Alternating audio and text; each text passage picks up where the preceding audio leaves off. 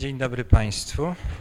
Ja przede wszystkim chciałem bardzo serdecznie podziękować za to miłe zaproszenie tutaj do Państwa i też powtórzyć to, co już dzisiaj miałem okazję powiedzieć, ale co mówię z głębokim przekonaniem, że, że e, rozmawianie o dość trudnych problemach, jakie stwarza genetyka z niegenetykami, e, daje mi już w tej chwili znacznie więcej satysfakcji niż rozmawianie na ten temat z genetykami, dlatego że świeży oddech na przykład humanistów, psychologów, prawników, z którymi też miałem okazję wielokrotnie rozmawiać na takie tematy, e, wnosi bardzo dużo do zagadnienia e, z e, elementów zupełnie innych niż te, które z reguły e, podnoszą sami genetycy, e, którzy są w końcu jakby nie było dość wąskim środowiskiem zawodowym.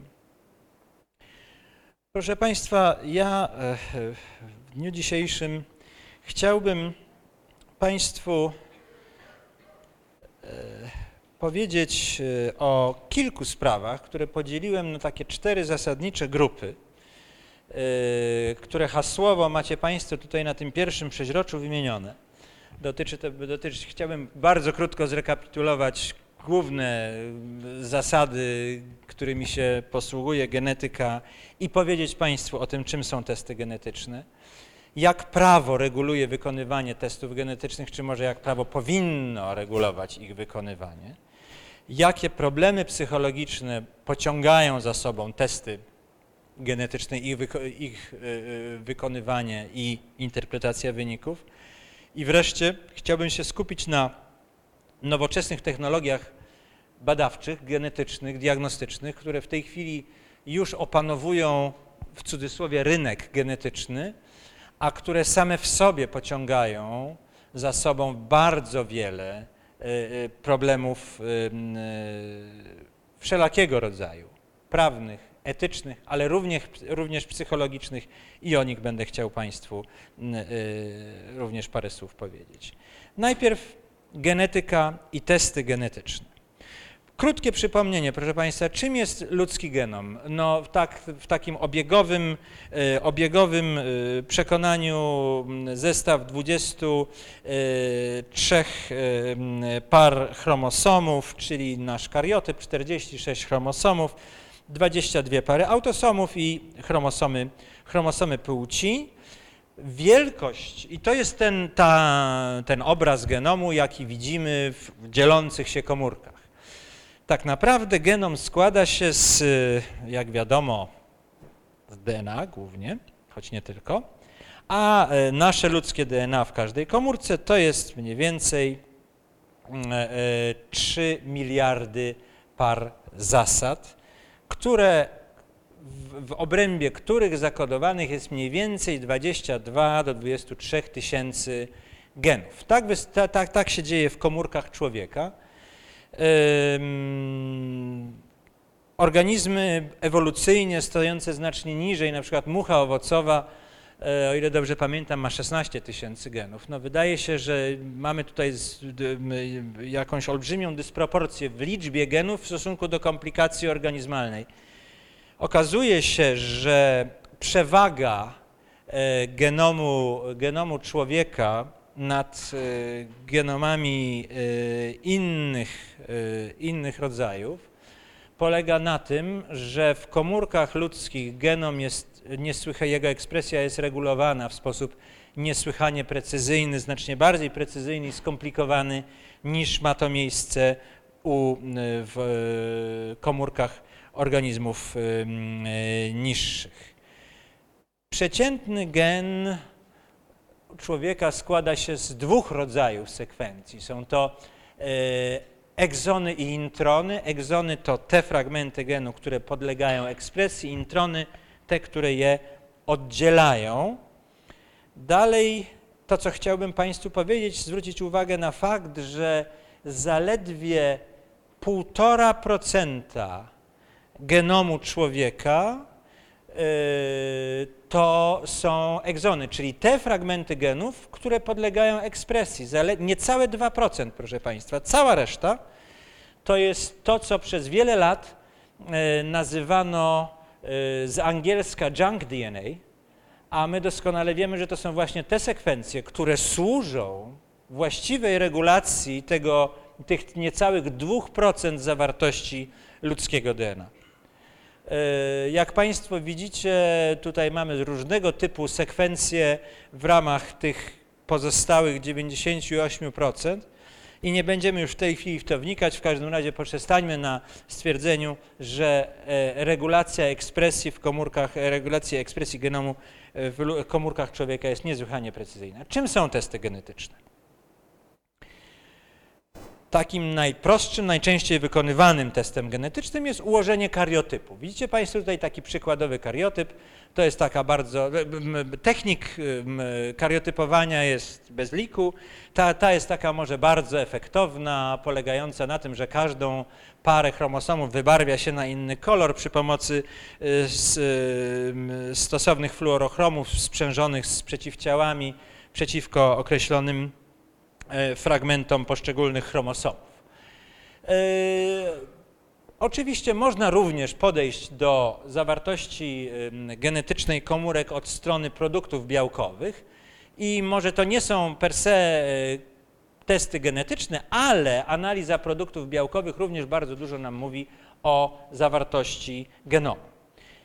To, co najczęściej w tej chwili, w chwili obecnej rozumiemy przez testy genetyczne, to jest analiza e, informacji genetycznej, bezpośrednia analiza informacji genetycznej, czyli analiza DNA. Proszę Państwa, kogo interesuje nasze DNA? Nad tym pewnie też się warto zastanowić od razu na samym początku, a potem będę do poszczególnych fragmentów tego, co w tej chwili powiem, e, e, nawiązywał, mówiąc o określonych zagadnieniach. Otóż oczywiście Samo DNA bardzo interesuje bez wątpienia naukowców, którzy wykorzystują je do najróżniejszych e, badań. Z punktu widzenia e, użyteczności, oczywiście możemy mówić na przykład o badaniach, które prowadzą do nowoczesnych technik diagnostycznych. Medycyna, bez wątpienia, wypracowanie nowoczesnych leków, które będą w sposób wybiórczy działały na określone fragmenty informacji genetycznej, albo, mm, czy może przede wszystkim, będą właśnie tym elementem genetyki, medycyny spersonalizowanej, czyli tej, te, tego sposobu działania medycznego, który jest dostosowany do profilu genetycznego danej osoby. Dalej, Big Pharma, czyli przemysł farma, farmaceutyczny. Oczywiście można się spodziewać, że mm, e, wykorzystanie naszej wiedzy genetycznej po to, żeby wypracować nowoczesne, bardzo specyficznie działające e, e, substancje terapeutyczne, tutaj ze strony przemysłu farmaceutycznego bez wątpienia jest bardzo duże zainteresowanie. Kogo jeszcze interesuje nasze DNA? Chińczyków. Do tego problemu jeszcze wrócę. Proszę Państwa, Chiny stały się w tej chwili największym centrum analizy sekwencyjnej DNA. Liczby, które Państwu później podam, są naprawdę szokujące. E, Chińczycy praktycznie biorąc przejmują ten interes e, z całego świata z wielkim skutkiem.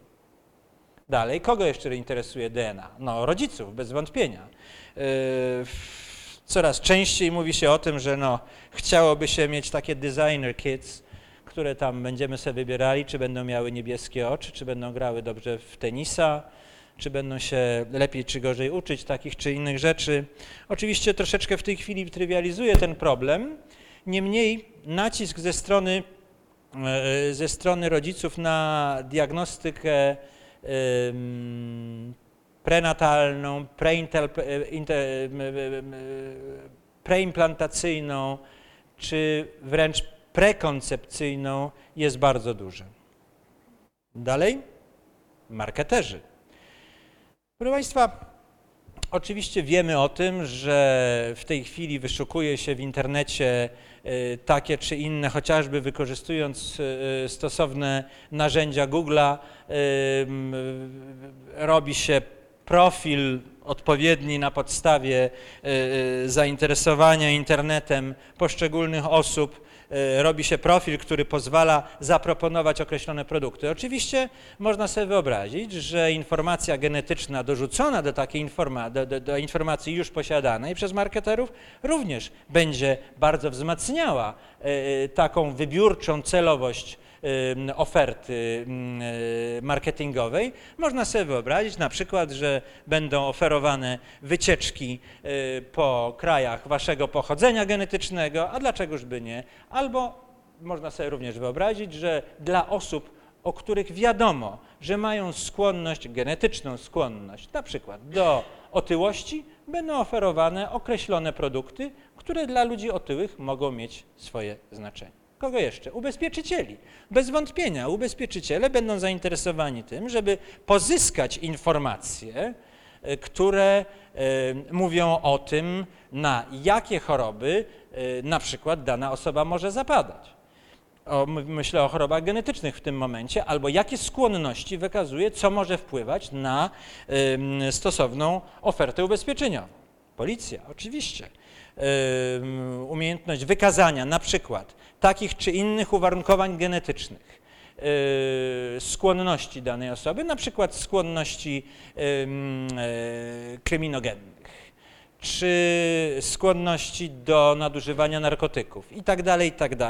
Dla policji, y, wszelkiego typu służb specjalnych, a jak wiadomo w Polsce mamy ich bez liku, może być również bardzo interesujące i wreszcie dla osób zatrudniających innych. No też jest y, całkiem y, uzasadnione zainteresowanie y, pracodawców, chociażby skłonnością do zapadania na określone grupy chorób u osób, które potencjalnie mają być w danej instytucji czy w danej firmie zatrudnione. Jak się pobiera materiał do testu genetycznego? Jest to stosunkowo proste. Takim naszym najbardziej y, typowym sposobem pobrania materiału jest krew obwodowa pobrana z, y, y, z ramienia. To jest najlepsze źródło DNA, jeśli chodzi o ścisłość, dlatego że jest to najlepsze źródło komórek jądrzastych krwi. Dalej można sobie również wyobrazić znacznie prostszy sposób, który jest już powszechnie stosowany. Jedynie wymaga on ym, wymazania em, wacikiem wewnętrznej strony policzka. W ten sposób zdrapuje się wystarczającą liczbę komórek, które umożliwiają izolację, skuteczną i wydajną izolację DNA, które doskonale nadaje się mm, do analizy. Ten sposób jest stosowany przy wszelkiego typu większych programach screeningowych, dlatego że jest on bezin- bezinwazyjny, bardzo łatwy do zastosowania. E, Dalej, firmy oferują już na rynku od dawna e, jeszcze prostszy sposób, na przykład popłukanie, popłukanie solatką jamy ustnej. Taki popłucz z jamy ustnej zawiera wystarczająco dużo komórek nabłonkowych, które pozwalają na izolację DNA i jego analizę. Efekt tego wszystkiego jest taki, że zarówno liczba laboratoriów, które wykonują tego typu badania, rośnie bardzo szybko, jak tym bardziej liczba chorób, które są w ten sposób analizowane, rośnie jeszcze szybciej. Inne źródła DNA oczywiście też można wziąć pod uwagę. Takie źródło DNA, które można praktycznie biorąc znaleźć w każdej łazience. Nie jest to wielki problem. Kępka włosów pobrana ze szczotki bardzo skutecznie służy do tego, żeby wyizolować z, nie, z, z takiej kępki wystarczającą ilość DNA, która pozwoli na skuteczną jego analizę. Dalej, dlaczegoż by nie taki y, materiał, który można pobrać bardzo łatwo y, i chociażby udowodnić y, mm, czyjeś ojcostwo albo jemu zaprzeczyć bez specjalnego informowania osoby zainteresowanej, dlatego że taki materiał jest po prostu dostępny. Żeby być jeszcze, jeszcze, iść jeszcze dalej, proszę Państwa, to co widać, nie wiem czy Państwo dobrze widzicie, to jest po prostu zużyte prześcieradło. Jeśli Państwo siądziecie do Google'a i wrzucicie y, hasło na przykład test zdrady, to y, tam właśnie będzie oferta laboratorium w języku polskim, od razu mówię, w języku angielskim jest tego bez liku. Y, mm, przyślij kawałek prześcieradła, albo przyślij bieliznę, a wtedy my określimy takie czy inne parametry, które mogą być dla Ciebie interesujące. Proszę Państwa, to się dzieje w internecie. Ja w tej chwili nie mówię anegdot, tylko zachęcam Państwa, żebyście spojrzeli w internecie, bo to po prostu jest. Nie mówię, że macie z tego korzystać, tylko żebyście Państwo sami zobaczyli, że coś takiego faktycznie funkcjonuje i proszę zwrócić uwagę na fakt, że tego typu źródła DNA są całkowicie poza naszą kontrolą. Je można sobie po prostu zastos zastosować, wysłać, przesłać do analizy, otrzymać wyniki i z tymi wynikami robić to, co się komu podoba. Z reguły to się oczywiście sprowadza do analizy, mm, do analizy do analizy ojcostwa na przykład, oczywiście jak Państwo się domyślacie w takim przypadku chociażby, czy do wszelkiego typu e, analiz osobistych. Dalej, jakie mamy zastosowanie testów genetycznych? Mamy testy diagnostyczne, które pozwalają nam diagnozować określone choroby. W tej chwili jest to około 2000 chorób, które, są, które mogą być w ten sposób analizowane. To są testy predykcyjne, czyli takie testy, które ujawniają y, predyspozycje do określonych chorób, które w momencie badania jeszcze się w żaden sposób nie objawiają. Dalej możemy mówić o wykrywaniu nosicieli, czyli identyfikacji heterozygot w populacji, czyli takich czynników genetycznych, które na przykład u kolejnych pokoleń będą mogły powodować takie czy inne skutki patologiczne. W przesiewie noworodkowym oczywiście można zastosować testy genetyczne i tak się już w tej chwili również robi. Kolejne pole to farmakogenetyka, to jest takie, taka analiza populacji, która pozwala podzielić ją na e, ludzi, którzy w określony sposób e, reagują na określone, na określone leki. To jest diagnostyka preimplantacyjna, oczywiście w dobie technik wspomaganego rozrodu. To jest rzecz e, również dosyć istotna. Na poziomie preimplantacyjnym w tej chwili analizowanych jest molekularnie około 100 różnych chorób. Wreszcie mamy testy direct to consumer, czyli te testy, które się kieruje bezpośrednio do odbiorcy. Za chwileczkę o tym powiem nieco więcej.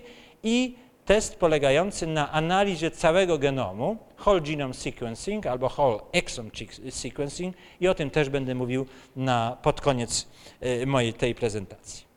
Proszę Państwa, czy testy genetyczne różnią się od innych testów medycznych? Tak naprawdę jest to pytanie o ekscepcjonalizm genetyczny, czyli to, czy testy genetyczne traktować jako coś innego niż inne, niż, niż pozostałe testy medyczne, czy jest to po prostu jeden z rodzajów zwykłych testów medycznych, które należy traktować dokładnie tak samo jak wszystkie inne.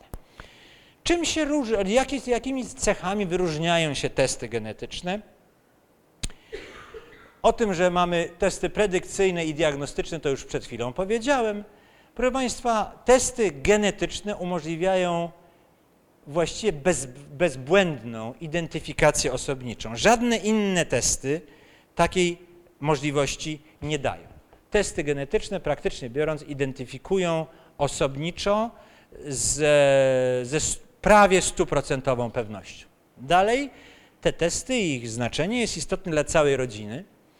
Pociągają one za sobą poważne skutki psychospołeczne, prowadząc często do dyskryminacji, dyskryminacji genetycznej i stygmatyzacji.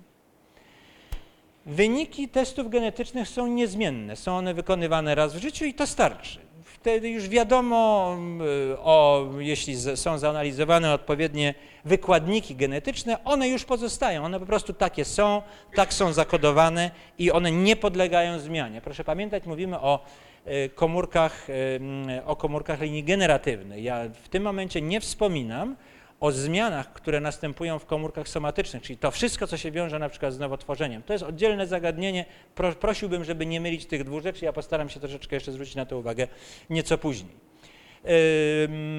Proszę Państwa, testy genetyczne wykorzystują, mogą wykorzystywać minimalną ilość materiału, o tym już mówiłem, yy, generują wrażliwe dane osobowe i o tym też należy pamiętać często generują dane, których znaczenia jeszcze nie znamy w chwili obecnej. Są to dane często, których jeszcze nie potrafimy w żaden sposób zinterpretować i często również są to dane, które są interesujące dla ubezpieczycieli i pracodawców. Testy direct to consumer, o których już wspomniałem wcześniej, czyli te, czyli te testy, które są bezpośrednio kierowane do odbiorców. Czym się one charakteryzują? To są testy, które są oferowane bez pośrednictwa profesjonalisty medycznego, no, bez pośrednictwa lekarza. Na ogół tym medium, przez, poprzez które są oferowane, jest internet. Oczywiście w tej chwili medium najpowszechniejsze i y, najbardziej dostępne, a jednocześnie o największej sile działania. Y, ogłoszenia często, które się tutaj, które się ukazują, dotyczące testów genetycznych, są nieadekwatne do faktycznej wartości y, tych testów i obiecują często gruszki na wierzbie. Tak na ogół jest, chociaż nie zawsze. Niebezpieczej... Przepraszam, niebezpieczeństwo polega na tym, że testy oferowane bezpośrednio odbiorcy, praktycznie biorąc, nie posługują się zasadą świadomej zgody, dlatego że można w ten sposób e, przesłać materiał jakikolwiek komukolwiek. Dalej, nie mamy żadnego zabezpieczenia przechowywania próbek, nie mamy żadnego zabezpieczenia poufności danych, a mamy do czynienia z wysoko sensytywnymi danymi personalnymi, proszę o tym pamiętać.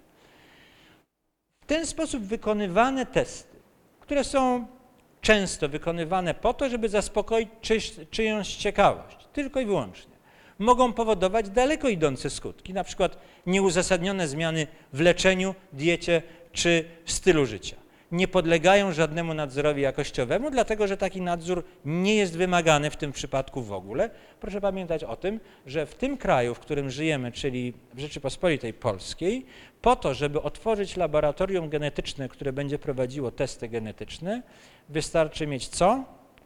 Zgłoszoną działalność gospodarczą. Dalej.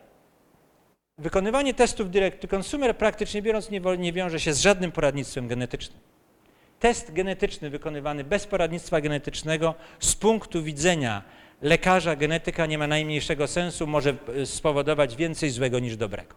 Dalej Amerykanie na przykład w tym się wąsko wyspecjalizowali, oferują testy genetyczne nawet bezpośrednio dzieciom.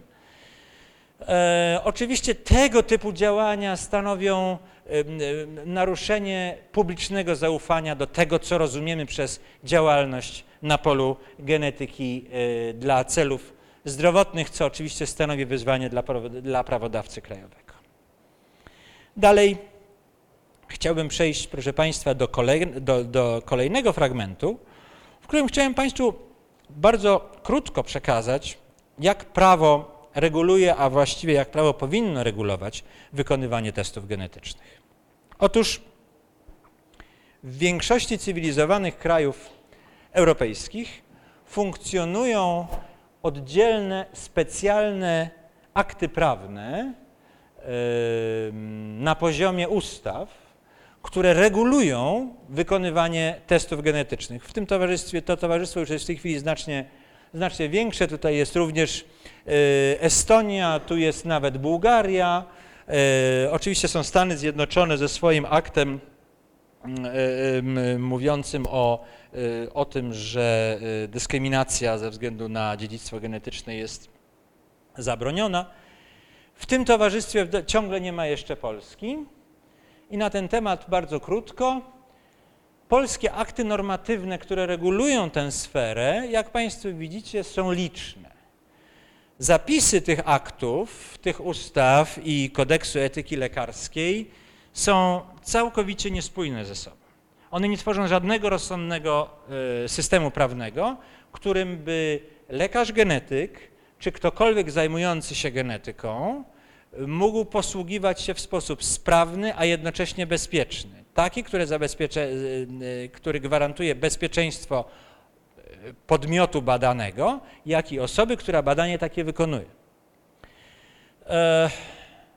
Proszę Państwa, miałem przyjemność jakiś czas temu prowadzić działania zespołu, który powołany został w Ministerstwie Nauki i Szkolnictwa Wyższego, który, którego zadaniem było wypracowanie e, założeń do ustawy, polskiej ustawy o wykonywaniu testów genetycznych dla celów zdrowotnych. Posłużyliśmy się jako wzorcem e, ustawą niemiecką, która wydawała nam się i w dalszym ciągu się wydaje najbardziej klarownie skonstruowana. Znaczy pod względem konstrukcyjnym posłuży, posłużyliśmy się nią jako wzorcem, natomiast wypełniliśmy ten wzorzec konstrukcyjny swoimi własnymi zapisami. Te zapisy y, pozostają w zgodzie z konwencją e, o ochronie praw człowieka, godności, to jest bardzo długa nazwa, czyli konwencji, którą, która w skrócie nazywa się Europejską Konwencją Bioetyczną albo Europejską Konwencją Biomedyczną, podpisaną w Oviedo w 1997. Dla Państwa informacji, Polska w 1997 roku podpisała tę konwencję, ale do dnia dzisiejszego konwencja nie została przez Sejm Rzeczypospolitej ratyfikowana. Dodatkowe, tu są jeszcze protokoły dodatkowe, głównie protokół czwarty, który do, do tejże konwencji, który mówi o właśnie wykonywaniu testów genetycznych, jak i wreszcie wytyczne OECD, które są dla nas w jakiś sposób zobowiązujące. Problemy, które wymagają tutaj regulacji są dosyć liczne, one są tutaj tak pokrótce przeze mnie wymienione.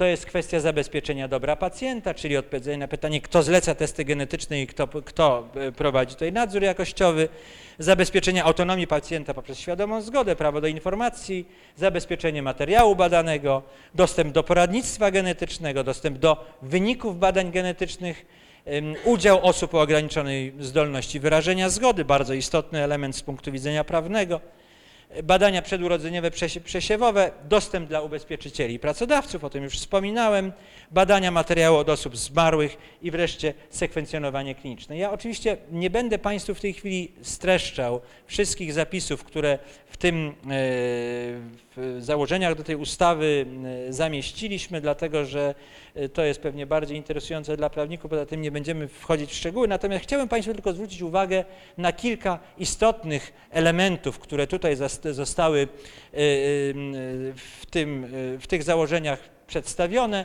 Chciałbym tylko tutaj podkreślić, że głównymi zasadami jest zapewnienie podstawowych praw wolności jednostki. Pozwólcie Państwo, że to przeczytam, dlatego że to napisali prawnicy, ja nie potrafię tego tak ładnie po powiedzieć. Poszano chodzi o poszanowanie godności ludzkiej, tożsamości i integralności, nie ograniczanie dostępności do testów genetycznych, ale wręcz przeciwnie, wpisanie ich wykonywania w system wartości demokratycznego państwa prawa. Chodzi również o zakres, zakaz dyskryminacji ze względu na cechy genetyczne, bardzo istotny element, o którym często się zapomina. Wreszcie yy, zasadą, która nam przyświecała, to takie stosowanie zapisów prawnych, które będą gwarantowały neutralność i niekontrowersyjność światopoglądową. Testy genetyczne i ich rodzaje, już właściwie wspominałem o testach diagnostycznych i predykcyjnych. I pytanie, kto jest, jak, jak zabezpieczyć dobro pacjenta poprzez stwierdzenie, kto jest zleceniodawcą testu.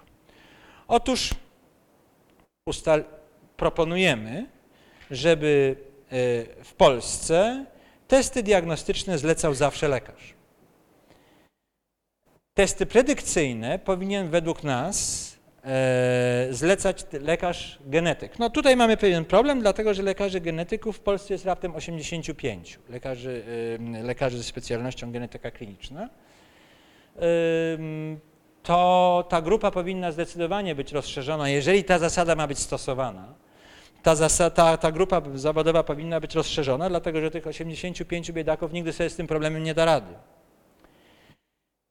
E, test genetyczny powinien być wykonywany przez lekarza lub osobę, instytucję na zlecenie lekarza, co oznacza, że testy genetyczne wykonywane dla celów zdrowotnych direct to consumer, czyli te kierowane bezpośrednio do odbiorcy, nie byłyby, e, nie byłyby e, czynnością prawną.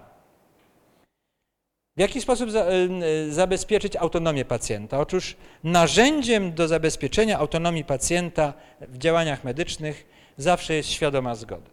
Świadoma zgoda w przypadku testów genetycznych to nie jest zwykłe podpisanie formularza, który się podtyka pacjentowi tylko po to, żeby zabezpieczyć osobę, która te testy wykonuje, ale żeby wpisać taką świadomą zgodę czy jej uzyskiwanie, pewien cały system, pewien proces, który polega na wymianie informacji między lekarzem, konsultantem genetycznym, a pacjentem.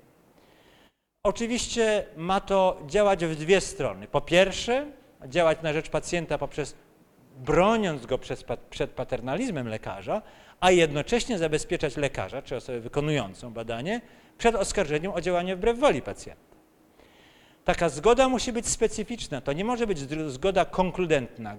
Zgoda konkludentna to jest na przykład taka, czyli do, zgoda dorozumiana, zgoda, której udziela pacjent w momencie, kiedy zostaje przyjęty do szpitala na to, żeby pobrać mu krew i wykonać badania, podstawowe badania morfologiczne i biochemiczne.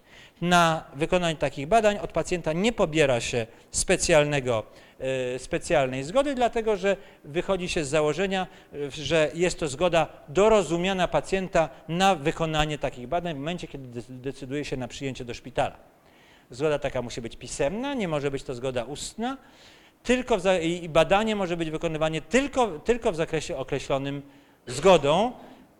Oczywiście zgoda taka może być zawsze cofnięta przez pacjenta bez podania przyczyn.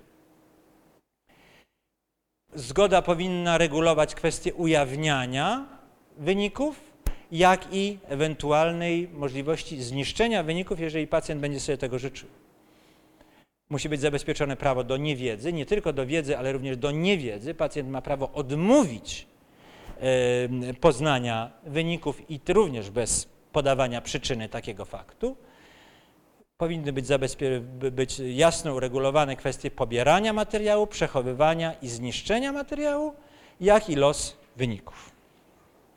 Dalej, prawo do informacji pacjenta.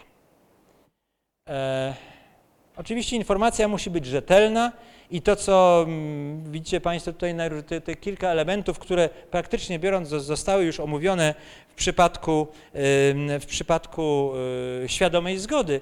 Natomiast to, co jest istotne, że obowiązek informacyjny spoczywa na lekarzu kierującym na badanie. Oznacza to również, że test wykonany bez stosownej informacji i zgody jest nieprawny. Dostęp do poradnictwa genetycznego jest bardzo istotnym elementem całego tego systemu i należy wyjść z założenia, że lekarz zlecający test genetyczny obligatoryjnie oferuje poradę genetyczną. Oczywiście, czy pacjent będzie, czy rodzina będzie chciała z tej porady skorzystać, czy nie, z reguły będzie chciała, ale jeżeli nie będzie chciała, to jest to oczywiście zawsze kwestia wyboru. Istotna jest również informacja o celowości porady dla członków rodziny, dlatego że nie tylko z reguły wyniki dotyczą jednego członka rodziny, ale dotyczą również innych członków rodziny, nawet jeżeli objawy chorobowe u nich się nie ujawniają. Badania pokrewieństwa, czyli tak naprawdę, co tu dużo mówić, badania ojcostwa, yy, mogą być wykonywane tylko w sposób taki, kiedy osoba zainteresowana jest odpowiednio poinformowana o tym, o celu takiego badania i po uzyskaniu stosownej zgody. To by oznaczało, że pobranie materiału, tak jak to Państwu pokazywałem, ze smoczka, przesłanie do laboratorium i uzyskanie stosownych wyników będzie aktem nieprawnym. E... Dokonaliśmy również pewnych uzupełnień do tego na zakończenie.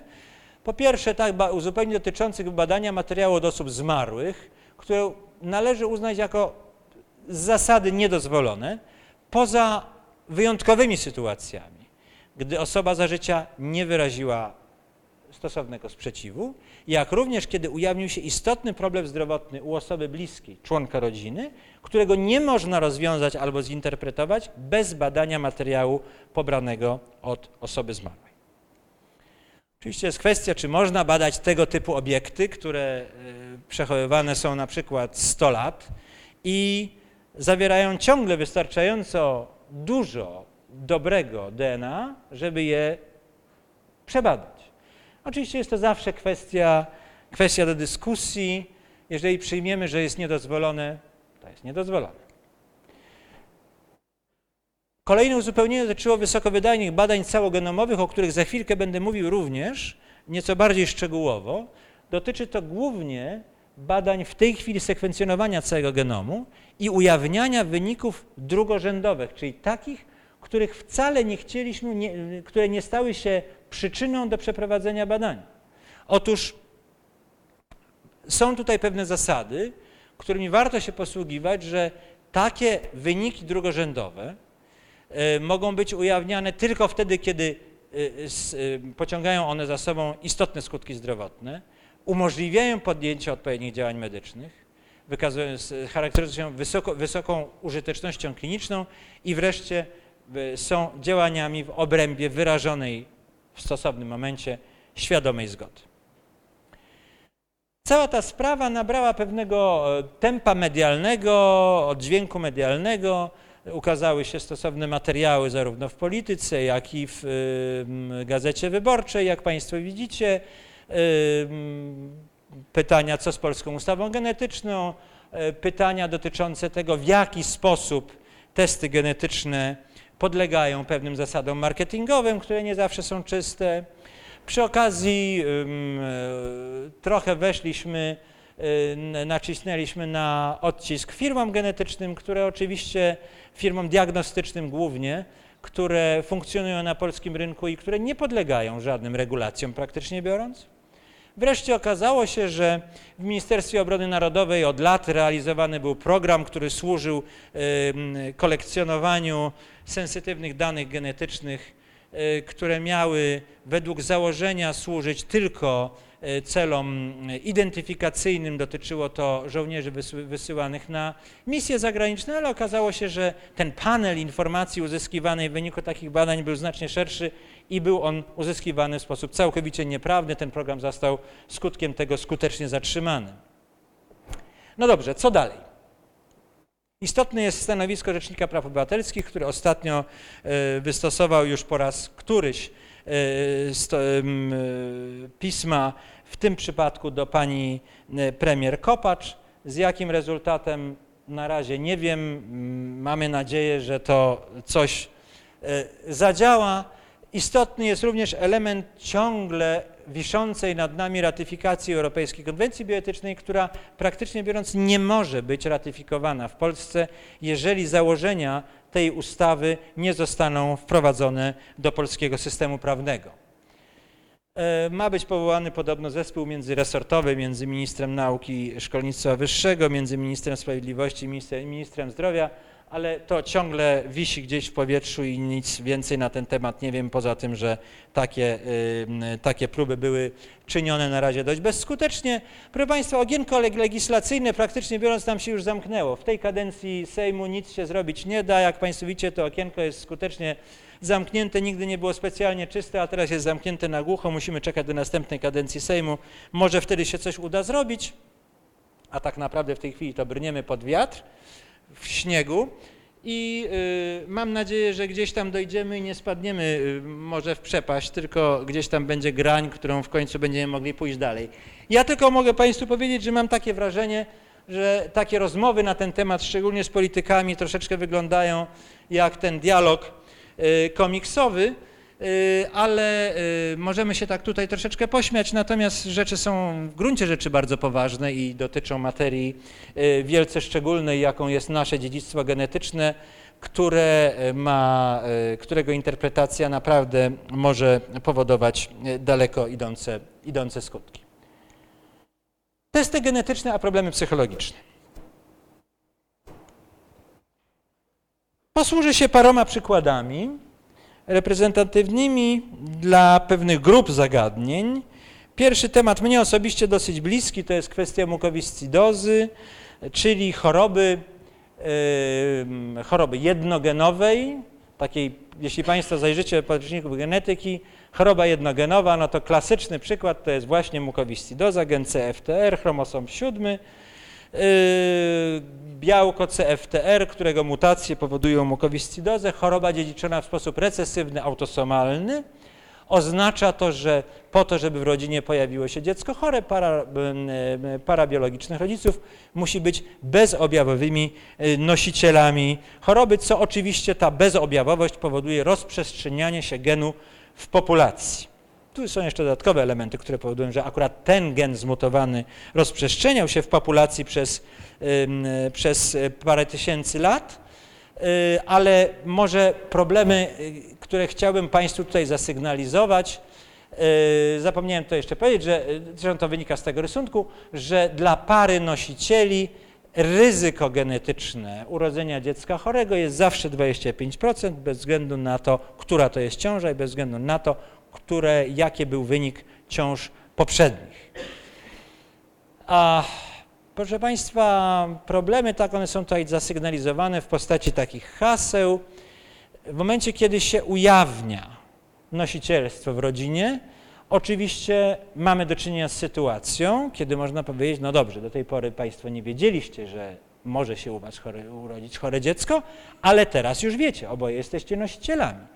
Wobec tego zawsze w każdej ciąży macie Państwo prawdopodobieństwo, przepraszam, ryzyko genetyczne 25%, które również podręcznikowo w genetyce traktowane jest jako wysokie ryzyko genetyczne urodzenia dziecka chorego. Oczywiście teraz jest kwestią dyskusji, czy te 25% w odbiorze danej pary rodziców, danej pary nosicieli, czy to jest wysokie ryzyko, czy niskie ryzyko. Jedni powiedzą, o Boże, aż 25%, nigdy więcej nie będziemy mieli dzieci. Inni powiedzą, zaraz, chwileczkę, ale to jest tylko 25%. Mamy 75% prawdopodobieństwa, że nasze dziecko będzie zdrowe. Oczywiście jest to kwestia indywidualnego podejścia. Jest dużą sztuką udzielania porady genetycznej bez sugerowania odpowiedzi na pytanie, przedstawienie wagi problemu. Proszę Państwa, jak sobie zapewne Państwo wyobrażacie, mówienie o genetyce, czyli dosyć materii dosyć trudnej, osobom średnio wykształconym czy niewykształconym, a przecież taka jest olbrzymia większość naszego społeczeństwa, jest zagadnieniem dosyć trudnym. Ale na to osoba udzielająca porady genetycznej musi być przygotowana i na tym polega cała sztuka, żeby tę poradę w sposób właściwy i skuteczny udzielić. Zawsze powstają takie pytania, kiedy wykonywać badania w rodzinie? Czy i jak informować pozostałych członków rodziny? Proszę pamiętać, że mamy z reguły do czynienia z jakimś układem rodzinnym, o którym osoba udzielająca porady genetycznej nie ma bladego pojęcia. Musi w ten sposób, tutaj się na ten temat czegoś dowiedzieć po to, żeby zaproponować jakieś rozwiązania. Oczywiście zawsze walczymy z poczuciem winy rodziców. Oczywiście zawsze się mówi, proszę Państwa, ale wyście nic nie wiedzieli, y, to jest bezobjawowe nosicielstwo. Oczywiście tego poczucia winy rodziców w stosunku do własnego dziecka nie można zlikwidować w sposób łatwy ani szybki.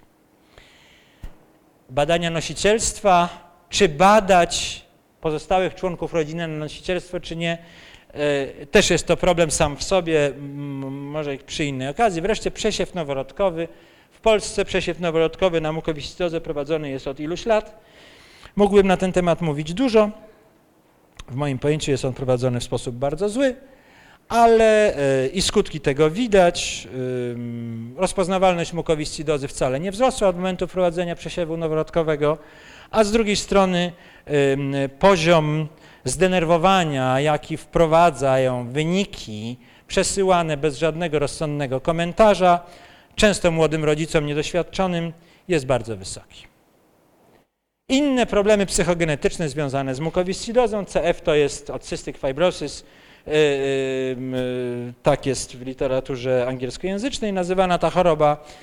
To są oczywiście problemy typowe dla wszystkich poważnych chorób przewlekłych, takie jak poszczególne fazy przeżywania, diagnozy, Y, internalizowania jej i tak dalej, i tak dalej. Myślę, że Państwo zajmujący się psychologią znacie te fazy znacznie lepiej y, y, niż ja. One są opisywane podręcznikowo, więc pozwolę sobie na ten temat więcej nie mówić. Oczywiście skutki rodzinne tego typu tego typu diagnozy postawionej y, bywają z reguły bardzo, bardzo poważne dla funkcjonowania rodziny, takie jak zanik więzi, odsunięcie na bok dzieci zdrowych, nadopiekuńczość w stosunku do dziecka chorego. Zespół wypalenia, który często się pojawia, prowadzący często, często nierzadko aż do rozpadu, rozpadu rodziny. Relacje, kwestia relacji dziecka chorego z rodzicami i rówieśnikami, z rodzeństwem zdrowym. To są wszystko bardzo poważne problemy. Również trzeba pamiętać o tym, że dla tych dzieci sprawność intelektualna, która w żaden sposób przez chorobę samą w sobie nie jest zaburzona, oczywiście zależy od sprawności e, psychofizycznej e, dziecka, która związana jest z jego stanem klinicznym.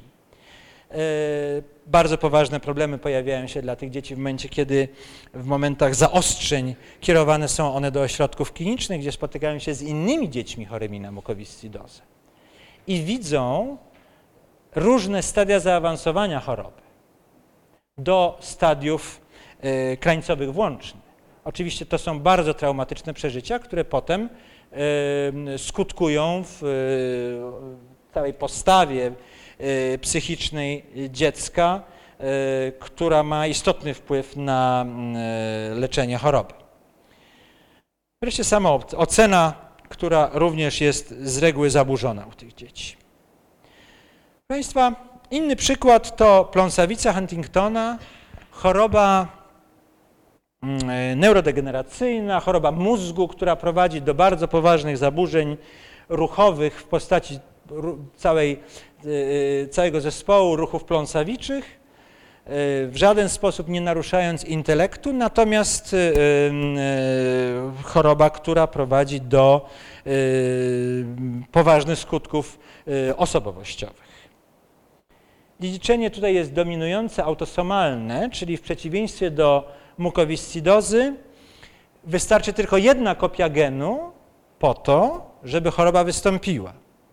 Czyli dla rodzica, który ma jedną kopię zmutowanego genu, istnieje prawdopodobieństwo 50% przekazania je swojemu e, potomstwu. Problem polega na tym, że objawy choroby Huntingtona ujawniają się dopiero w wieku lat mniej więcej 40. Wobec tego do tego czasu większość ludzi już zdąży mieć dzieci. Wobec tego ten schemat staje się yy, prześladuje tych ludzi, prawda? Teraz, gdzie plasują się moje dzieci? Choroby, choroba powodowana jest przez tak zwane mutacje dynamiczne, czyli ekspansję trójnukleotydów. Ja również w biologię molekularną tego zjawiska nie będę w tej chwili wnikał. Natomiast istotna jest kwestia badań przedobjawowych w chorobie Huntingtona w rodzinach ryzyka. Otóż takiej sytuacji, którą Państwu przed chwilą pokazywałem, wyobraźmy sobie parę rodziców, u których w tym przypadku u matki, ale to nie ma nic wspólnego, to nie ma żadnego sprzężenia z płcią, to jest po prostu przykład. U matki w wieku lat 40 występują objawy, objawy choroby Huntingtona, tych objawów nie można pomylić z niczym innym. Wiadomo, jeśli one się pojawią, to, to rozpoznanie jest natychmiastowe.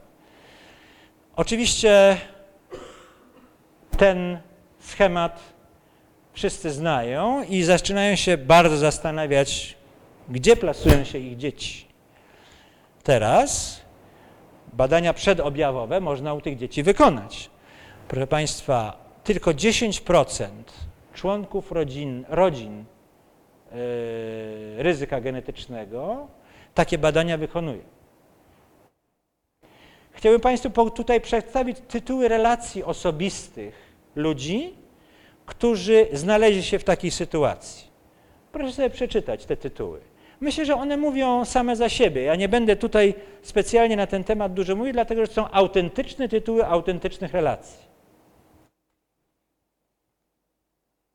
Mamy do czynienia z oczywiście mnóstwem najróżniejszych problemów psychologicznych. I najpierw mamy grupę osób bez objawów. Oczywiście występują u nich, mówimy o rodzinach ryzyka, członkach rodzin ryzyka. Oczywiście cały zestaw najróżniejszych problemów, które się tutaj pojawia. Z przede wszystkim silnym stresem, który towarzyszy tym ludziom praktycznie biorąc bez przerwy. U osób z objawami ta sytuacja jest z reguły jeszcze gorsza, wiadomo, że wyjaśnienie problemów medycznych daje pewną ulgę. Należy dążyć do rozładowania stresów w określony sposób. Często oczywiście takim rozładowaniem stresu należy w sposób, powinno się, tak, słucham Panią?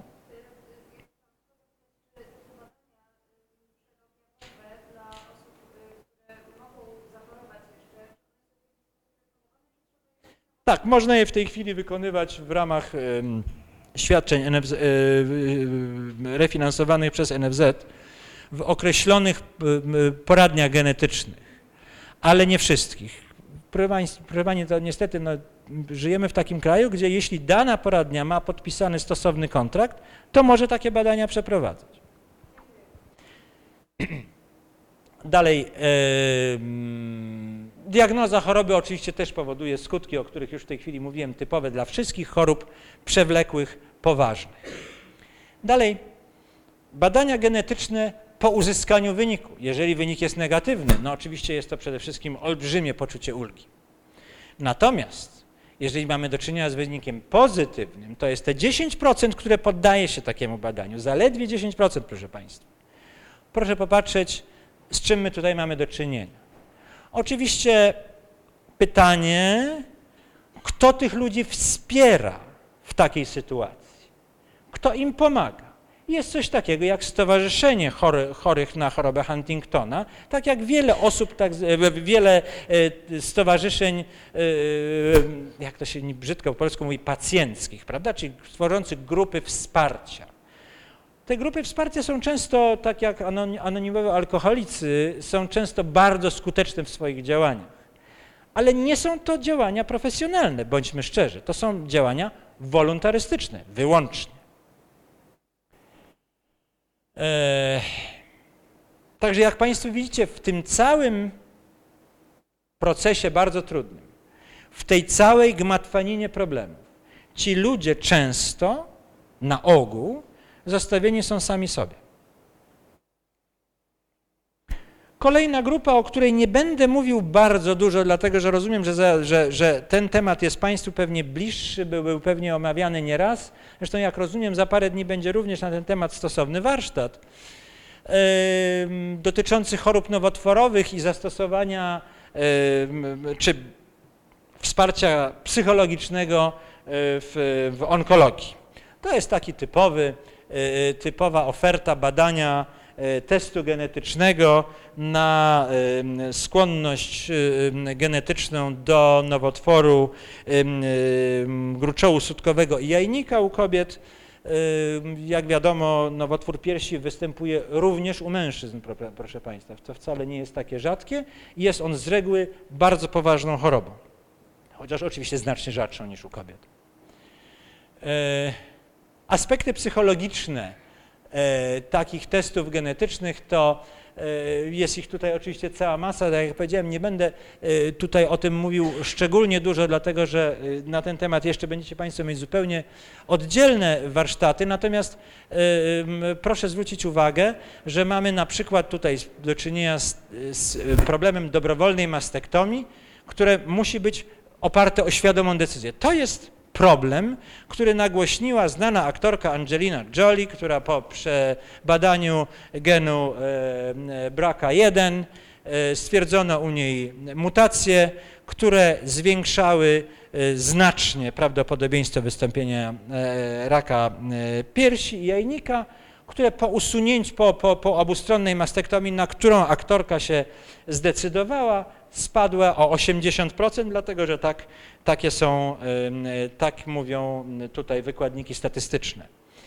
E, Oczywiście, jak się Państwo domyślacie, to co Angelina Jolie zrobiła fantastyczną robotę, to jest to, że nagłośniła sprawę. Że ten problem się pojawił jako problem publiczny, dotyczący osoby, no, celebrytki, prawda, z najwyższej półki hollywoodzkiej, gdzie okazało się, że takie osoby również dotknięte są takim problemem i również muszą podejmować jakieś decyzje w tym względzie, w tym przypadku decyzję bardzo odważną. Oczywiście należy pamiętać o tym, że takiej decyzji osoba, u której stwierdzono mutację genu BRCA1 w tym przypadku, nie może podjąć sama. Również potrzebuje stosownego wsparcia y, profesjonalnego. Nie tylko wsparcia medycznego, to znaczy interpretacji medycznej przez lekarza klinicystę, lekarza y, genetyka klinicznego, ale bardzo silnego wsparcia psychologicznego, zarówno przed podjęciem decyzji, w momencie podejmowania decyzji, jak i skutków, jakie powoduje przeprowadzony w tym przypadku zabieg. W Polsce, jeśli chodzi o wsparcie psychologiczne w onkologii, to jest to, no, powiedziałbym, o stopień lepiej niż w genetyce klinicznej, dlatego że tutaj zapotrzebowanie wyniknę, wyszło od, od, od, dosyć dużego grona lekarzy onkologów, którzy po prostu nie mieli ochoty y, zajmować się y, problemami psychologicznymi, które były tylko dodatkiem do tego, co, do czego oni uważali, że są powołani. Można tak sprawę traktować oczywiście. Jak Państwu właśnie już powiedziałem, y, akurat w onkologii psycholog kliniczny z reguły jest, czy często jest członkiem zespołu poradnianego, w przeciwieństwie do innych specjalności związanych z testami, z wykonywaniem testów genetycznych. Oczywiście takie wsparcie psychologiczne zwiększa realistyczne zrozumienie wyników, pozwala transponować te wyniki na innych członków rodziny w sposób rozsądny, racjonalny, a jednocześnie wystarczająco Y, delikatny, taki, który umożliwia właściwe zrozumienie i przyjęcie tych wyników wraz z ich daleko idącymi skutkami. Proszę pamiętać, że test y, genetyczny w takim przypadku, w przypadku rozpoznania na przykład nowotworu piersi, wykonywany jest natychmiast po rozpoznaniu klinicznym. Wobec tego mamy zbieg wielu problemów naraz, bo nie dość, że osoba zainteresowana musi się uporać z rozpoznaniem klinicznym, które właśnie dostała od lekarza klinicysty, to jednocześnie ma problem, który związany jest z interpretacją wyniku genetycznego i całą otoczką rodzinną, psychologiczną wynikającą z tego faktu. Jest to mnogość problemów, które należy rozwiązać w bardzo krótkim czasie, do czego oczywiście z reguły bardzo zestresowana, przerażona osoba, u której takie rozpoznanie postawiono, nie jest w żaden sposób przygotowana i nie jest w żaden sposób w stanie tego w sposób właściwy zrobić. Proszę pamiętać, że często oferowane direct to consumer testy na podatność genetyczną na nowotwory pozbawione są jakiegokolwiek poradnictwa genetycznego i psychologicznego. Wobec tego przy tej mnogości i komplikacji problemów, wyobraźcie sobie Państwo, jaki problem w tym momencie osoby, które takim testom się poddadzą, sobie same fundują. Decyzje o wykonywaniu testu genetycznego z punktu widzenia psychologicznego. Otóż okazuje się, że faktyczne ryzyko genetyczne jest słabszym powodem do wykonywania testu genetycznego niż subiektywne czynniki emocjonalne. Znacznie słabszym. Albo inaczej, subiektywne czynniki emocjonalne są znacznie silniejszym bodźcem do wykonywania bądź nie testu genetycznego niż faktyczne zrozumienie problemu. Jest wykazane, że cierpienie i stres motywują do wykonania testów genetycznych, testu genetycznego w chorobach onkologicznych, a jednocześnie odstraszają w przypadku na przykład chorób takich jak choroba Huntingtona. Tak naprawdę okazuje się, że decyzja o wykonywaniu testu genetycznego staje się racjonalna w momencie do, skuteczna dopiero wtedy, kiedy pacjent zostanie przekonany o tym, że test genetyczny, czy raczej jego wynik, staje się narzędziem zwiększenia kontroli nad przebiegiem choroby. Ale tego ktoś musi, tego dzieła ktoś musi dokonać. Ktoś musi tych ludzi zestresowanych, pozbawionych stosownej wiedzy do tego przekonać. To trzeba zrobić w sposób właściwy, profesjonalny. Proszę Państwa, ostatnia grupa zagadnień, o których chciałem mówić, to są nowoczesne technologie genetyczne. Dotyczą one właściwie przede wszystkim sekwencjonowania całego genomu. To jest to zagadnienie, o które chciałbym omówić Państwu na samo zakończenie. To, co jest istotne, to że koszt sekwencjonowania całego genomu człowieka spada w sposób drastyczny, dramatyczny i niesłychanie spektakularny. Pierwszy genom człowieka, który skompletowano, oficjalnie w każdym razie, to genom Jamesa Watsona, odkrywcy struktury DNA, który dostał tę e, informację na swoje 80. urodziny, albo 75, przepraszam, chyba 75. E, sekwencjonowanie tego pierwszego genomu kosztowało 3 miliardy dolarów. Zaangażowane w nie było paręnaście laboratoriów na całym świecie, głównie amerykańskich, ale nie tylko. W tej chwili sekwencjonowanie genomu dochodzi, spada mniej więcej w cenie do 1000 dolarów. Dalej, y, sekwencjonowanie genomu Jamesa Watsona trwało y, około 10 lat. W tej chwili sekwencjonowanie genomu za ten 1000 dolarów można wykonać praktycznie biorąc w 24 godziny. Na to pozwalają nowoczesne technologie. Tutaj macie Państwo taki najnowocześniejszy sekwenator firmy Illumina. To jest technologia, pozwalam sobie wspomnieć nazwę firmy nie dlatego, że mam jakikolwiek powód, żeby wspominać nazwę firmy, ale dlatego, że jest to technologia, która jest stosowana, y, uznawana za światowy standard, praktycznie biorąc, nie ma, nie ma ona tutaj konkurencji. Jaki jest potencjał sekwencjonowania całego genomu? WGS to skrót od Whole Genome Sequencing. Sekwencjonowanie całego genomu jest praktycznie biorąc w sensie w swojej filozofii, znaczenia, podstawą medycyny spersonalizowanej. Służy może być użyte do diagnostyki podłoża chorób cywilizacyjnych, jest stosowane ze stosunku, z, z, właściwie z najlepszym skutkiem głównie w, w terapii spersonalizowanej chorób onkologicznych, do, służy do diagnostyki chorób rzadkich. E, u dzieci nosicielstwa mutacji recesywnych również jest stosowane do typowania tkankowego czy tak zwanej genetyki rekreacyjnej, której najlepszym przykładem jest to, co w Ameryce, w, w Stanach Zjednoczonych jest tak niesłychanie popularne, do śledzenia korzeni y, pochodzenia danego, danej rodziny, danego człowieka. To jest dla Amerykanów bardzo istotny problem. W naszej stosunkowo homogennej populacji europejskiej ten problem jest bez porównania mniej nagłaśniany, a w każdym razie znacznie mniej marketingowany. Sekwencjonowanie całego genomu, czy sekwencjonowanie kliniczne, jak często jest to nazywane, yy, właściwie pociąga za sobą całą listę pytań, na które trudno udzielić jakiejkolwiek sensownej odpowiedzi, bo nie mamy odpowiedzi na te pytania. Ta, ta technologia weszła stosunkowo niedawno i właściwie jej skutki przerastają nasze możliwości ogarnięcia tego wszystkiego, co ona nam sama w sobie oferuje.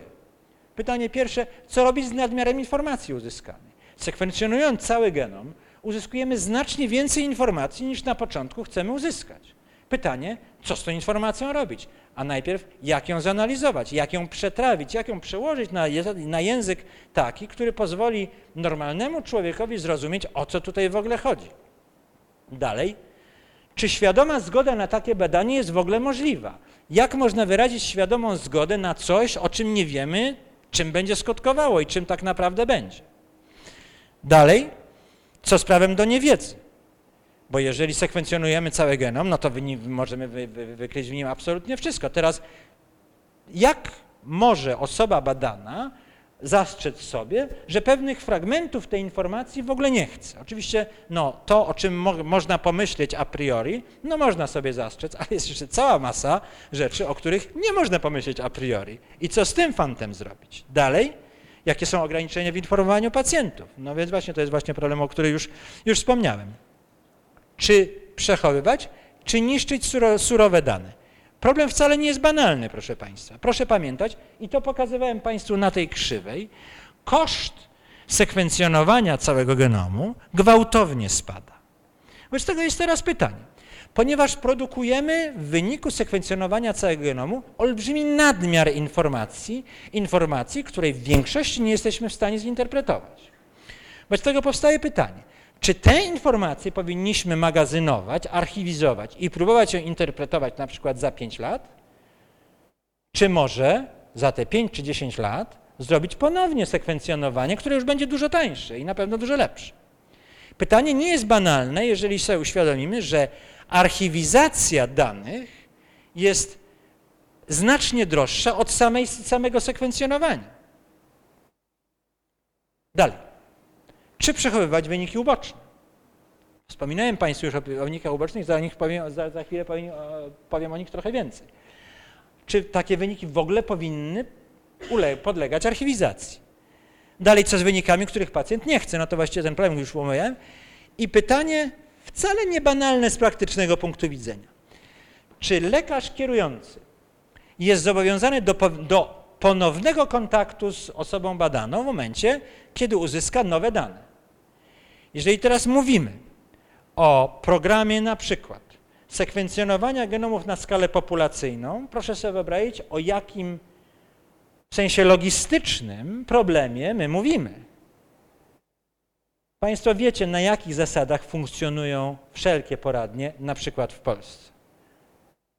Bardzo ułomnych kontraktów z Narodowym Funduszem Zdrowia. Teraz proszę sobie wyobrazić w ramach tych, tych, tych kontraktów Narodowego Funduszu Zdrowia pozycję, która będzie mówiła tylko o kolosalnych kosztach ponownego i ponownego i ponownego kontaktu z pacjentem, tylko w momencie takim, kiedy część informacji, której do tej pory nie potrafi, lekarz nie potrafił zinterpretować, nagle potrafi zinterpretować. Problem nie tylko techniczny. Wyniki uboczne. To jest to, co w literaturze angielskojęzycznej zwane jest incidental findings albo unsolicited findings. Czy one faktycznie są takie incydentalne? No to jest kwestia dyskusji, bo jeżeli sekwencjonujemy cały genom, no to niczym nie powinniśmy być zaskoczeni, dlatego że można tam ujawnić absolutnie wszystko i można się spodziewać tam absolutnie wszystkiego. Takie wyniki uboczne znane są w medycynie od wieków. Znane są od dermatologii, gdzie na przykład w ramach badania, banalnego badania osłuchowego pacjenta z powodu zapalenia górnych, górnych dróg oddechowych, lekarz pod lewą łopatką stwierdza na przykład taką zmianę. To jest czerniak skóry, śmiertelny nowotwór, który działa z reguły y, zabójczo bardzo szybko.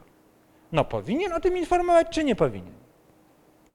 Dalej, to co dla psychologów, dla państwa, dla psychologów y, doświadczalników, eksperymentatorów jest chlebem powszednim y,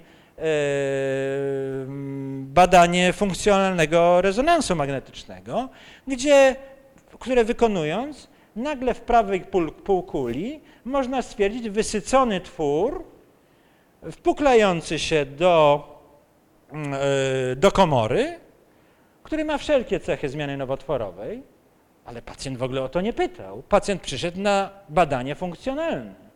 No to w takim razie ten lekarz ma obowiązek mu o tym powiedzieć, czy nie? Do problemu w sposób najbardziej konstruktywny, acz bardzo dyskusyjny, przymierzyli się Amerykanie, jak to zwykle. Otóż American College of Medical Genetics wydał rekomendację półtora roku temu, e, które podały listę 56 genów związanych z 24 chorobami genetycznymi, o których informacje trzeba, powtarzam, trzeba obowiązkowo przekazać każdej osobie, która poddaje się sekwencjonowaniu całego genomu. W Europie z etycznego punktu widzenia jest to rozwiązanie absolutnie nie do przyjęcia. W Europie nikt tego nie przyjmie, to jest oczywiste. Amerykanie bardzo nad tym debatują, ale yy, ja już kończę, proszę Państwa, niestety. Zapraszam. E, Są to choroby o wysokiej penetracji i możliwości interwen interwencji medycznej, których analiza obowiązuje w całości, tak jak Państwu powiedziałem. Bez zgody i możliwości wyboru genów pacjent nie może zastrzec sobie, że z tych 56 genów on chce uzyskać informację tylko o 35. Zawsze dostanie o 56. Jeśli chce sekwencjonować cały genom. Dotyczy to zarówno dorosłych, jak i dzieci. Lista podlega dorocznej aktualizacji. Teraz problem polega na tym, że każda z tych 24 chorób genetycznych i 56 genów kiedy badania takie były wykonywane oddzielnie, podlegała całemu procesowi poradnictwa genetycznego z uzyskaniem świadomej zgody specyficznej dla danej choroby, dla danego genu itd., tak itd. Tak Wszystko to, o czym Państwu yy, yy, mówiłem wcześniej. Tutaj praktycznie biorąc mamy rozwiązanie pakietowe. Albo, albo, czarne, białe. Teraz oczywiście w jakiś sposób tych, tym ludziom, którzy nagle dowiedzą się o zawartości 56 genów, których każdy, mutacja każdego z nich powoduje ciężkie patologie, no w jaki sposób trzeba im w tym pomóc. No ale to jest zmartwienie Amerykanów. My tego problemu nie mamy. Ja Państwu tylko podaję to jako przykład, dlatego że to przejdzie już do podręczników genetyki w tej chwili. Jako przykład pewnego sposobu załatwienia sprawy. Czy właściwy, czy nie, to jest kwestia dyskusji oczywiście. Ale jest to przynajmniej sposób załatwienia przymierzenia się do bardzo poważnego problemu. Czy to są nowe problemy? Takie jak kwestia interpretacji ujawniania wyników ubocznych, właściwej formy y, świadomej zgody, informowania krewnych, prawa do niewiedzy, ponownego kontaktu, czy kwestii, czy badać dzieci. Otóż tak naprawdę to nie są żadne nowe problemy. W genetyce, praktycznie biorąc, w genetyce klinicznej te problemy istniały zawsze. Natomiast skala, jaka wiąże się z tymi niesłychanie wydajnymi, nowymi technikami badawczymi, jest niespotykana. To jest po prostu przejście na inną półkę. Oczywiście, proszę Państwa, jak mówi stare, takie kolokwialne stwierdzenie, z takim, jeśli ma się taki poważny problem, to oczywiście zależy, zawsze należy się z nim spróbować przespać. Ale kwestia taka, żeby się nie dać zwariować takiemu problemowi.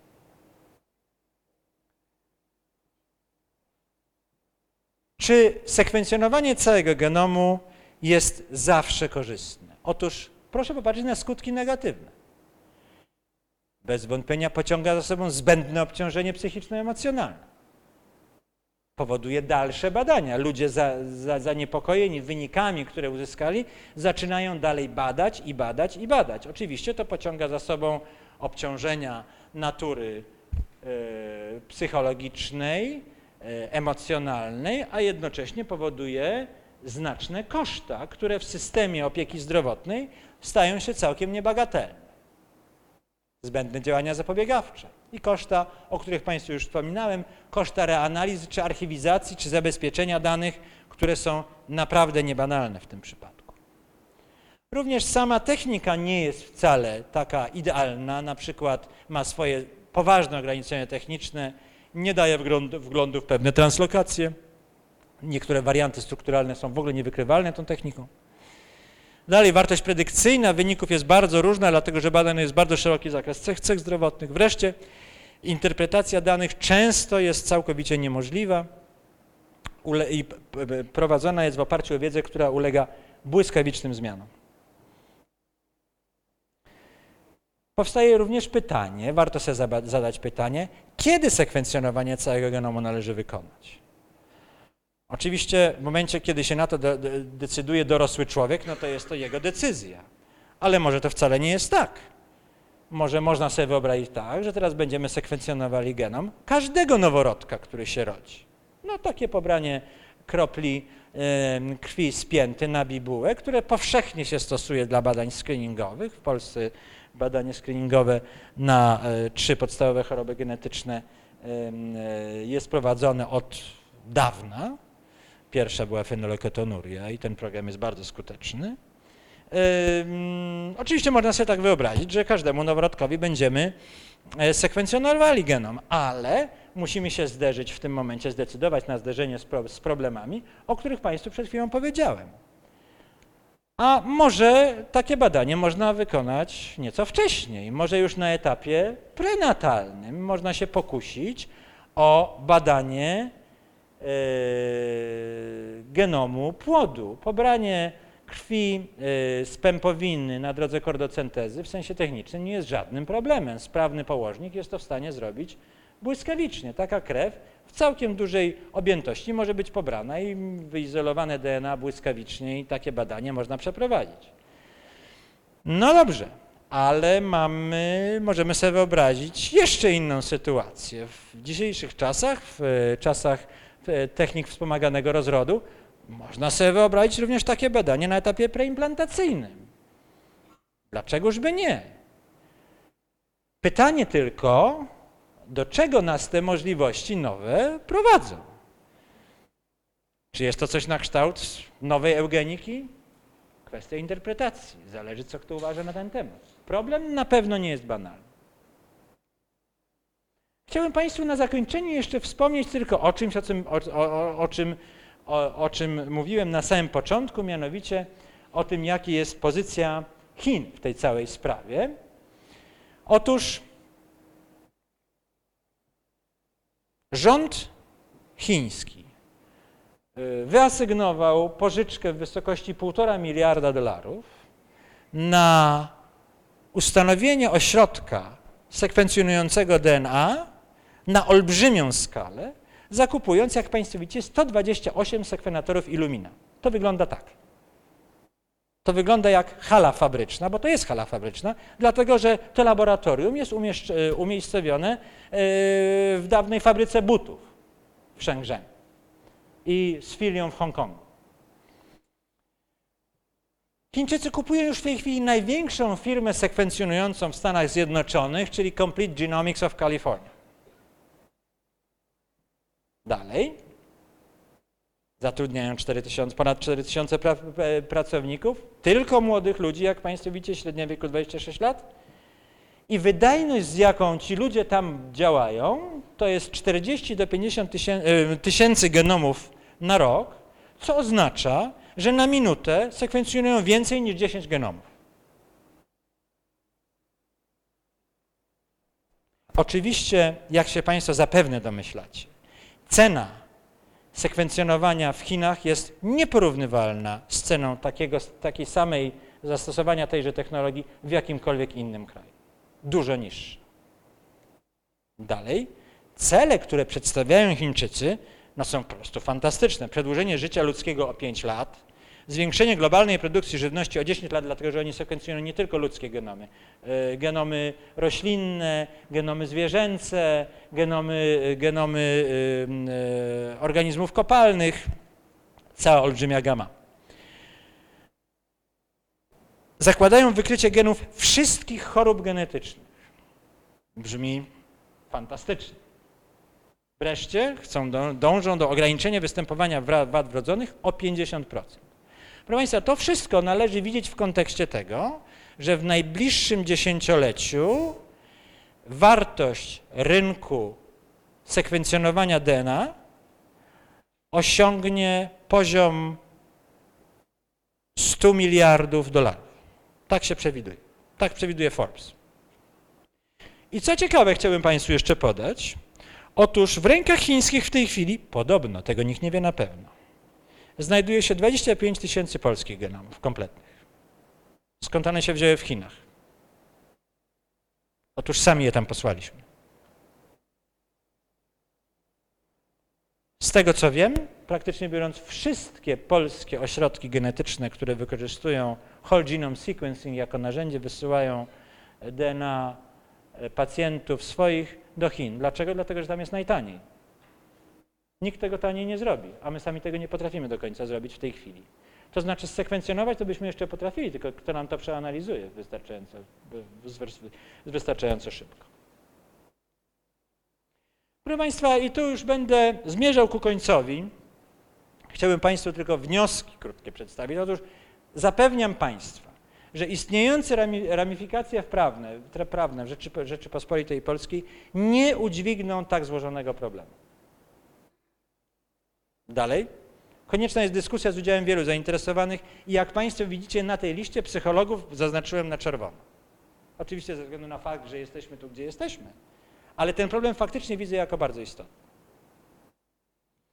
Wreszcie warto się zająć regulacjami, zanim ktoś tego za nas nie zrobi i zanim nie spadną na nas jakieś regulacje w postaci jakiegoś ducha, który nagle nam gdzieś z niebios spadnie i będzie, nie będziemy wiedzieli, co z tym problemem zrobić. Jeśli chodzi o wnioski w zakresie psychogenetyki, to no, pewnie taka banalna prawda, że stan psychiczny wpływa na akceptację testu genetycznego. No pewnie to tutaj Ameryki nie odkrywam. Niemniej to wszystko oznacza konieczność działania profesjonalnego. Natomiast stwierdzam z pełną odpowiedzialnością, że brakuje nam współpracy z psychologami i że taka nowa, nowa specjalność psychologiczna według mnie jest absolutnie konieczna. Dalej, często stawia się w kontrze osiągnięcia biologii molekularnej i genetyki molekularnej z takim holistycznym podejściem, podejściem do pacjenta biobehawioralnym, co jest absurdem same w sobie. Tak naprawdę konieczna jest integracja genetyki w rozszerzonych modelach multidyscyplinarnej i wielopoziomowej medycyny behawioralnej. I wreszcie możemy tylko mieć nadzieję, że testy genetyczne wpłyną na zmianę zdrowotnych strategii behawioralnych w sensie znacznie szerszym. Proszę Państwa, jeżeli chciałbym zakończyć optymistycznie, jeżeli to nie, nie, wszystko, co tutaj powiedziałem, optymistycznie brzmiało i po prostu chciałem Państwu tylko taki ładny obrazek z naszych polskich Beskidów pokazać na zakończenie i bardzo Państwu podziękować za uwagę.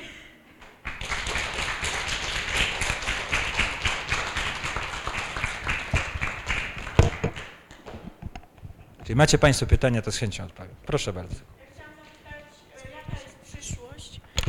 Chciałam zapytać, bo mnie to interesuje od jakiegoś czasu, y, jaka jest przyszłość w ogóle, jak to wygląda, czy to jest możliwe z Pana punktu widzenia określanie genetyki chorób psychicznych? Na przykład choroby dwubiegunowej występującej rodzinnie. Wyiluzowanie genów czy grupy genów. Choroby psychiczne, praktycznie biorąc wszystkie, nie są chorobami jednogenowymi. To znaczy, to jest tak, w genetyce się mówi tak, a, po angielsku. Easy things are gone. Łatwe rzeczy już dawno rozwiązano.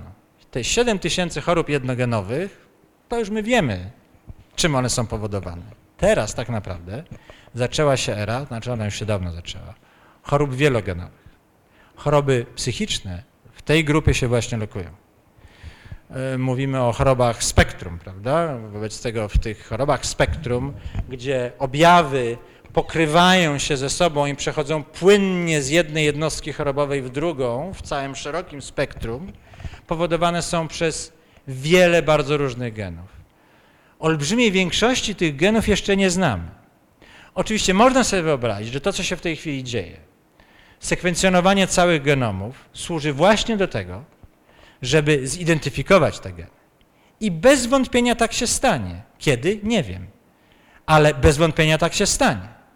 Natomiast musimy się zastanowić, jakim kosztem taki efekt może zostać osiągnięty.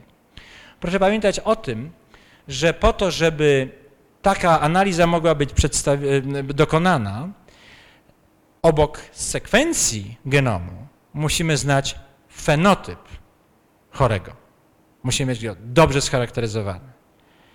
I dopiero porównanie jednego z drugim, czy określenie relacji genotyp-fenotyp może prowadzić do takich wniosków. Powtarzam jeszcze raz, żeby odpowiedzieć pani na Pani pytanie konkretnie.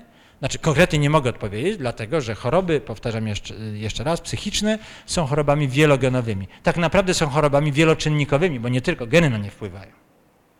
Wobec tego analiza genetyczna takich chorób jest niesłychanie trudna, ale e, e, to wszystko idzie w tym kierunku. Mogę pani, pa, Państwu powiedzieć, wspomniałem o tym bardzo krótko.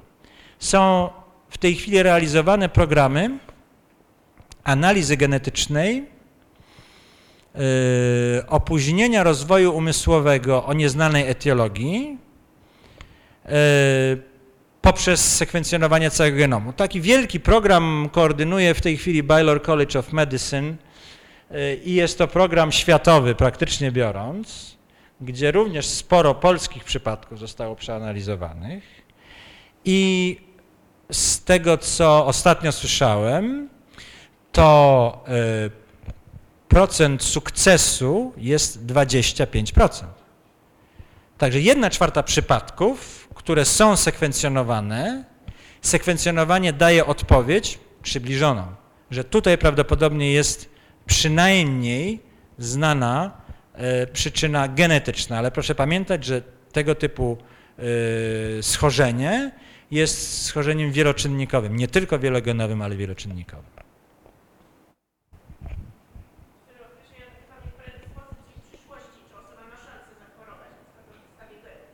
Oczywiście, tak, tak. Wi wiadomo, że do tego, do, do, do, to, jest, to jest cel tego typu badań, tak.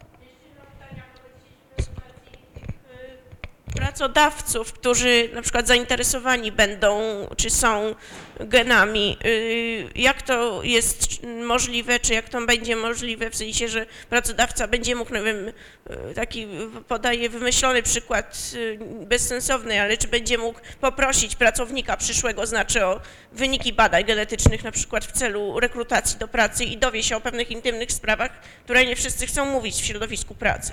Oczywiście, to jest bardzo dobre pytanie. Ja wspomniałem o tym zagadnieniu. W, w założeniach do ustawy, które Państwu przedstawiałem, jasno jest sprecyzowane, że e, pracodawca nie ma prawa żądać od e, pracownika wykonania testu genetycznego, jak również nie ma prawa żądać okazania wyniku testu genetycznego, jeśli on został wykonany wcześniej. E, Te dane w tej chwili, jeżeli są w jakikolwiek sposób chronione, to są chronione przez ustawę o ochronie danych osobowych. Ale to jest ochrona, jeśli chodzi o dane genetyczne, akurat bardzo, bardzo nieszczelna.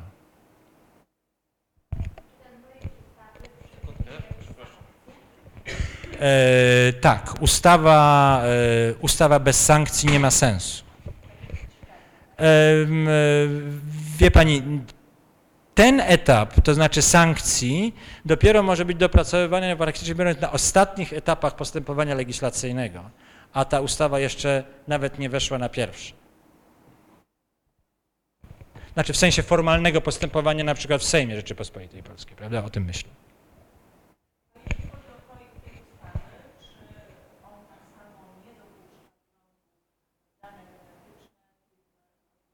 Kategorycznie nie.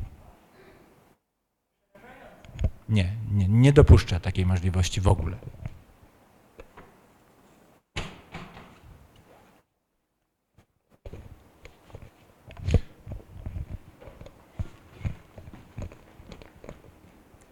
I oczywiście bardzo serdecznie dziękuję przede wszystkim za ten e, fascynujący wykład. Myślę, że niezwykła porcja wiedzy i to podejście psychologiczne, które pan profesor przedstawił, też jest fascynujące, bo pokazuje, że mamy niezwykłe wspólne pola do działań. Moje pytanie dotyczy e, roli doradztwa genetycznego w ustawie. Czy doradca, doradca genetyczny pełni funkcję pomocniczą w jakiś sposób e, i czy jego funkcja zawodowa jest uzależniona także od no, lekarza? Czyli jednym słowem, czy doradca genetyczny może pełnić niezależnie swoją rolę zawodową? W polskim systemie ochrony zdrowia nie ma w ogóle takiej pozycji, nie ma takiego zawodu jak doradca genetyczny czy konsultant genetyczny. To jest, funkcjonuje taka pozycja, funkcjonuje e, w amerykańskim systemie ochrony zdrowia, że genetic consultant to jest oddzielny zawód, to nie jest lekarz, to nie jest pielęgniarka, to jest genetic consultant, który ukończył specjalny kurs akademicki poradnictwa genetycznego i taką funkcję pełni. W polskim systemie czegoś takiego nie ma. Funkcję taką pełnią, spełniają wyłącznie lekarza praktycznie biorąc, ewentualnie pielęgniarki również wysoko kwalifikowane. Wydaje mi się, że prawdopodobnie stworzenie takiej pozycji zawodowej, takiego nowego zawodu w Polsce byłoby niezwykle trudne, jeśli w ogóle wykonalne. Natomiast wydaje się, że wydaje mnie się, że to, czego polski system wymaga czy potrzebuje, to jest wsparcie tych profesjonalistów, którzy funkcjonują, dodatkowymi kompetencjami ludzi, którzy są e, specjalistami na przykład w psychologii. W psychologii z zastosowaniem do genetyki. Wydaje mi się, że tędy jest droga. Tak podejrzewam. Czy dobrze zrozumiałem, że e, według Pana rolę doradcy genetycznego może pełnić odpowiednio przesz- przeszkolony e, psycholog współpracujący z lekarzem? Mm, tego bym nie powiedział. Myślę, że jest na odwrót. To znaczy, e, porady genetycznej w polskim systemie ochrony zdrowia może i powinien udzielać lekarz, pielęgniarka, wsparta przez psychologa, który powinien być członkiem zespołu opieki genetycznej, bardzo istotnym członkiem zespołu opieki genetycznej i jest to model funkcjonujący na całym świecie. Właściwie większość znanych mi krajów europejskich, taki model właśnie, model brytyjski, który w moim pojęciu w Europie jest absolutnie najlepszy. Od lat funkcjonuje właśnie w ten sposób, że jest tam lekarz, pielęgniarka yy, i psycholog. Dodatku jeszcze jest yy, specjalista zdrowia publicznego, który yy, zajmuje się kwestiami socjalnymi i tak dalej, pracownik socjalny, o, może tak, prawda? Także psycholog kliniczny jako bardzo istotny członek tego zespołu doradczego. Zespołu opieki genetycznej, tak go można pewnie nazwać. Jeśli nie ma więcej pytań, to bardzo Państwu dziękuję.